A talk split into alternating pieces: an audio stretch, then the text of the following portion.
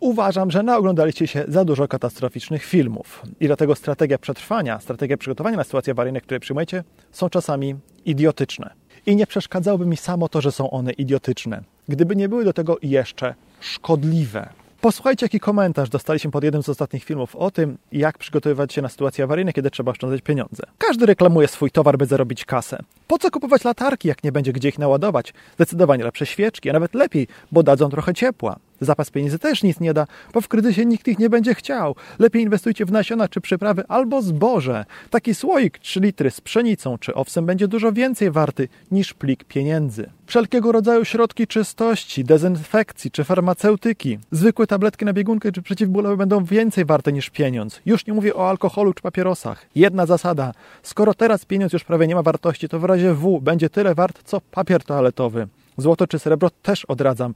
Przy pierwszej okazji zostaniecie obrabowani przez wojsko czy złodziei, a tych będzie wszędzie mnóstwo. Każdy potencjalny ojciec, by nakarmić dzieci, zrobi wszystko. Matka to samo. Czy rzeczywiście w razie kryzysu każdy ojciec robi wszystko, żeby nakarmić swoje dzieci? Przyjrzyjmy się temu w odniesieniu do zagrożenia, które realnie Polakom zagraża. Na przykładzie realnych warunków kryzysowych w oparciu o oficjalne statystyki. Cześć, z tej strony Krzyklis z domowego Suriwalu, bloga, kanału i podcastu o przygotowaniach i strategiach na sytuacje awaryjne. Zgodzicie się na pewno z tym, że jako rodzic chcielibyście zrobić wszystko, albo prawie wszystko, żeby zapewnić waszym dzieciom przetrwanie. I jestem przekonany, że gdyby kiedyś zrobić ankietę i pytać o to ludzi na ulicy, to odpowiadaliby w większości twierdząco na następujące pytania. Czy żeby nakarmić dziecko, ukradnie pan jedzenie ze sklepu wielkopowierzchniowego zagranicznej sieci? Czy żeby nakarmić dziecko, ukradnie pan coś ze sklepu prowadzonego przez sąsiada? Czy żeby nakarmić dziecko, obrabuje pan sąsiada? Czy żeby nakarmić dziecko, zabije pan sąsiada? Wiadomo, że na każde kolejne tak zadane pytanie odpowiedzi twierdzących byłoby coraz mniej. Ale też intuicyjnie czujemy, że w sytuacji awaryjnej bylibyśmy skłonni zrobić naprawdę wiele dla naszego dziecka, tak? To logiczne. Tylko musimy zrozumieć jedną rzecz. Kryzys nie zawsze oznacza kolaps. Trudne czasy to nie jest tylko apokalipsa, jak z filmów Mad Max, kiedy nie ma już niczego. Znacznie częściej kryzys, czy ten koniec świata, jaki znamy, do którego chcemy się przygotować, dotyka pojedynczej rodziny. Ja to za moment wykażę na przykładzie. Domowy survival istnieje od 2010 roku. Przyjmijmy do równego rachunku, że istnieje 13 lat. Przez ten czas na terenie Polski miało miejsce zero wojen, zero przypadków apokalipsy zombie, zero katastrofalnych awarii zasilania w skali całego kraju, wywołanych przez ataki terrorystyczne, burzę słoneczną albo impuls elektromagnetyczny. Zero fal głodu wywołanych przez globalne problemy z zaopatrzeniem w żywność. Zero miesięcy, w których inflacja była tak wysoka jak w Republice Weimarskiej. W ciągu tych 13 lat nie było w Polsce zatem żadnego kataklizmu, w którym ludzie zaczęliby się okradać albo robić sobie nawzajem krzywdę, żeby przeżyć. Nie było kataklizmu, gdy słoik 3 litrów z pszenicą czy owsem będzie dużo więcej warty niż plik pieniędzy. Za to było w samym tylko 2022 roku 135 965 pożarów, co daje jakieś 3,6 pożaru na 1000 Polaków. Czyli wychodziłoby na to, że w naszej grupie około 113 tysięcy subskrybentów było 407 pożarów. Ogromna liczba w samym tylko 2022 roku. Oczywiście te pożary nie odnoszą się tylko do mieszkań, do, do domów jednorodzinnych. 2340 pożarów, mówimy cały czas o zeszłym roku, było w budynkach użyteczności publicznej, najwięcej w obiektach handlowych. 8730 pożarów odnosiło się do środków transportu, z czego tylko 4 do samolotów i śmigłowców, dwa miały miejsce w wagonach metra, a aż 7305 pożarów to były samochody osobowe i przyczepy do samochodów. Tu chyba też wchodzą w to przyczepy kempingowe. 6457 pożarów miało miejsce w lasach, 31 944 pożary były w rolnictwie, w tym styrty, stogi i brogi paliły się aż 2313 razy. Domy jednorodzinne, bliźniaki i szeregowce oraz budynki mieszkalne w gospodarstwach rolnych paliły się 19 288 razy,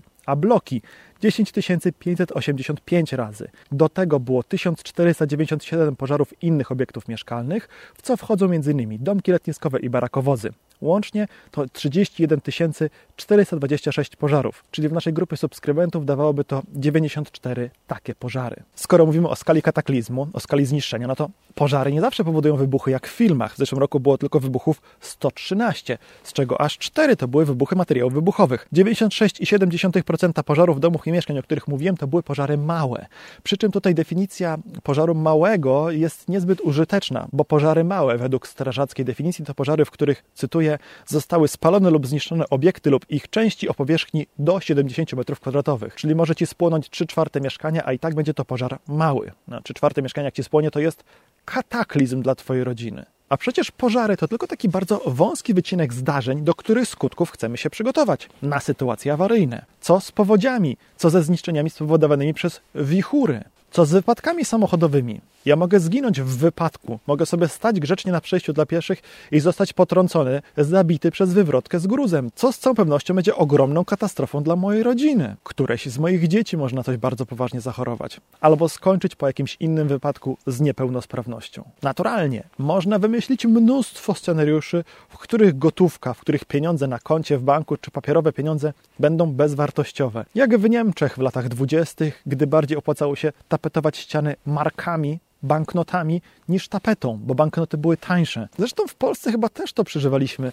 Przecież aluminiowe monety w PRL-u bywały wykorzystywane zamiast podkładek, bo były tańsze. Można również wymyślić mnóstwo scenariuszy, w których będzie liczyć się wyłącznie handel wymienny, na przykład żywność za żywność zapalniczki za konserwy, amunicja za leki, usługi seksualne za opał. Ale z tego co wiem, to nawet w oblężonym Leningradzie, kiedy ludzie głodowali, jakiś handel za gotówkę, za ruble czy za złoto jak najbardziej funkcjonował. Z wielu filmów znamy scenariusz, że nie będzie niczego, że nic się nie będzie liczyło, tylko zapasy. Tak było w Mad Maxie albo w innym świetnym katastroficznym filmie z Kevinem Costnerem Wodny Świat ale absolutnie nie wolno w ramach tych przygotowań zapominać o buforze gotówki. Tylko dlatego, że gdzieś w jakimś scenariuszu ktoś ją może ukraść, albo może ona stracić wartość. Cóż z tego, że będziecie mieć 3 litry zboża, licząc, że kiedyś stanie się cenniejsze od złota? Tym zbożem nie zapłacicie dentyście, ani mechanikowi za naprawę samochodu, prawda? I teraz odpowiedz sobie na takie pytanie.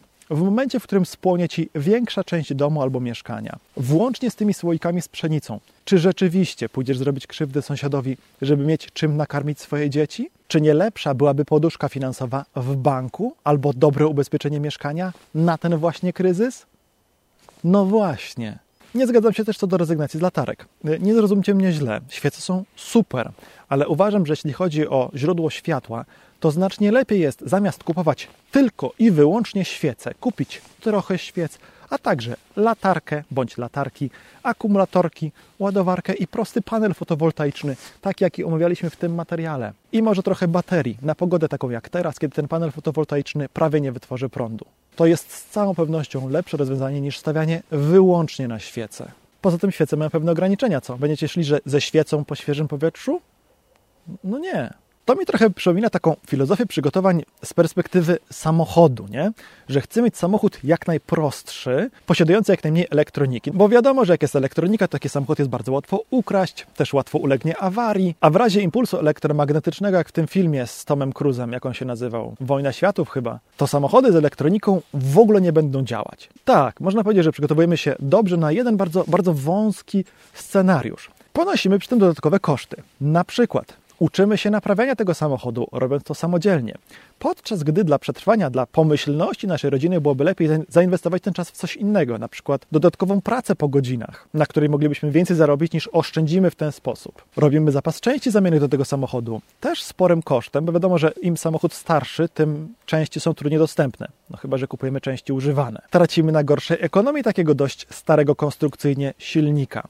Nie możemy wjeżdżać do centrów wielu miast, bo nasz samochód nie spełnia norm emisji spalin. Mamy gorszy komfort jeżdżąc takim samochodem, co może nie jest bardzo istotne. Ale istotniejsze jest to, że możemy w takim samochodzie łatwiej zginąć, bo nie ma tych elektronicznych czujników i systemów, które zmniejszają szanse wypadku, bo ma gorsze strefy zgniotu, bo może nie ma poduszki powietrznej. Ale za to jesteśmy dobrze przygotowani na jeden konkretny scenariusz. Takie podejście to bardzo poważny błąd w przygotowaniach na sytuacje awaryjne.